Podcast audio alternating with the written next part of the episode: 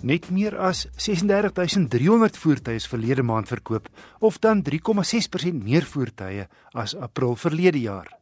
Die syfer gaan waarskynlik na 4,5% styg omdat Fiat Chrysler Suid-Afrika wat nou amptelik saamgesmelt het, se syfer 'n verwagte 350 eers middel Mei beskikbaar gaan wees.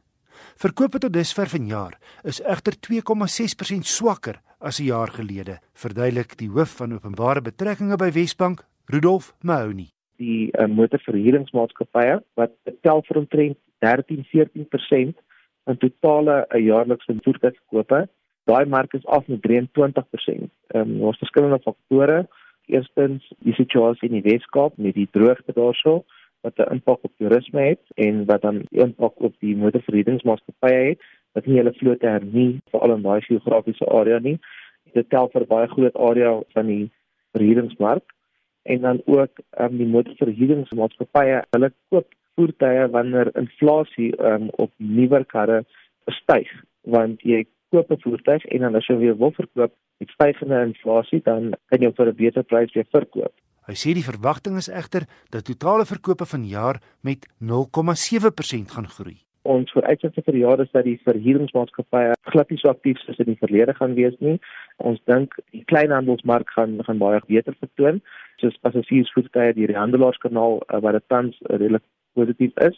As ons kyk na uh, die verkope deur die regeringskanaal, is af met 40% wat 'n uh, indikasie is dat die regering definitief uh, ernstig is om hulle uitgawes in te krimp en dan definitiewe fokus op die fiskus te plaas om beter met die belastinggeld te werk. En 'n moontlike rentekoersverlaging vanjaar? Ja, vir uitsigte is dat ons 'n uh, verdere 25 basispunte sal geniet deur die loop van 2018 afhangende van wat die ekonomie gaan doen en dat daar geen uh, skokke gaan kom nie. Rudolf Mahoney van Wesbank. Luisteraar Jan Brink vra vergelyking tussen die volgende vier voertuie: die Ford EcoSport 1.5 Ambiente en dan die EcoSport 1.5 TDCi Trend die Renault Duster 4x2 outomaties en die Suzuki Vitara 1.6 GL. Nou Jan, wat die spesifikasievlakke aanbetref, gaan kyk na die vervaardigers se webblaaie om te vergelyk. En belangrik, gaan toetsbestuur jou kortlys voordat jy koop. Wat die aandrywing aanbetref, het ek by Nicolou gaan aanklop.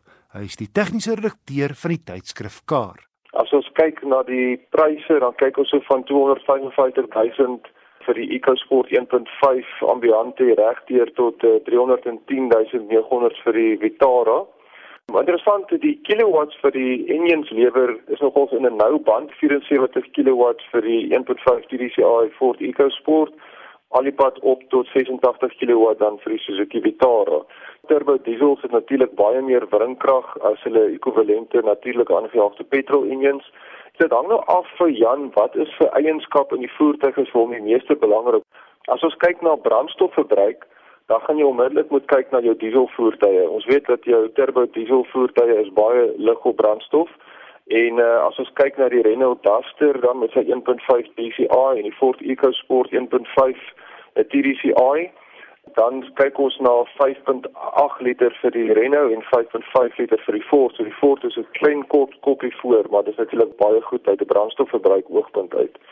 As ons dan nou kyk in Engels is die term drivability of die bestuurbaarheid. Dit hang af of Jan baie met die voertuig in stadsverkeer gaan ry. Jy natuurlik nou met baie verkeer in die oggende, al al daai stop en start wat 'n mens moet doen dan is hy outomaties hy kraai koning uh, as dit kom met stadsverkeer en al voertuig hierso wat 'n outomatiese radkas het is die Renault Duster met hulle dubbelkoppelaar EDC radkas uh, maar hy gaan die beste daar werk as 'n mens kyk na petrol teenoor diesel as al twee handrade is met die ander drie dan gaan 'n petrol eintlik vir jou beter werk want onthou 'n petrol enjin kan jy heelwat verder in die toere strek op beweeg in elke rad Jy praat so 'n trend van gewoonlik hier by 6000 revolusies sal die rooi lyn van 'n petrol wees terwyl dit diesel so hier by 4500 gewoonlik is. Wat dan vir jou veroorsaak dat as jy met 'n diesel voorhandrad in die dorp moet ry, moet jy baie ratte wissel wat 'n bietjie vir jou 'n probleem kan wees. So in daai opsig gaan die petrol bietjie beter wees.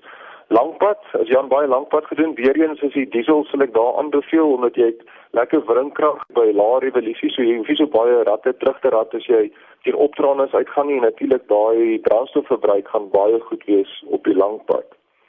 As ons kyk na betroubaarheid, nou dis altyd 'n moeilike ene want soos ons al baie oor gepraat het, eh, daar's eintlik 'n slegte kar op die mark vandag nie, maar as mens statisties kyk oor wat kan in 'n voertuig verkeerd gaan, betroubaarheid van mens kyk na voertuie wat byvoorbeeld dan minder fiteriasies aan het, uh, petrol engines wat natuur aangejaag is sonder turbos het hulle nou al bewys oor die jare. So dan gaan jy definitief kyk betroubaarheid na die twee petrolmodelle wat Suzuki Vitara en dan die Ford EcoSport 1.5 petrol sal wees. En ons weet die Japaneese voertuie het ons nou net daai legende van betroubaarheid. As jy die voertuig binne motorplan gaan ry, maak dit natuurlik nie saak as jy hom gaan verkoop voor die waarborg uitgeloop het nie. As jy mens kyk na nou verrigting, ehm um, Jan het nou nie gesê of hy die voertuig uh, by seevlak of daar in Gauteng moet hom gaan ry nie.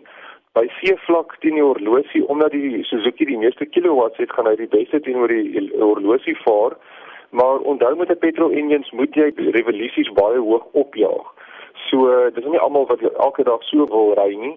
En uh, as mens elke dag ry in die in die toere net so half in die middel van die revolusies hou, dan werk die turbo diesel eintlik baie lekker. Hy voel baie meer gewillig in die normale ryomstandighede. So ek sou sê van 'n bestuurdersoogpunt werk die diesel eintlik baie lekker en soos ek sê met outomatiese radkas gaan dit dan ook baie goed wees. Nicolou die tegniese redakteur van Car. Jy pos gerus motornavrae aan my. Die adres is wissel by rsg.co.za.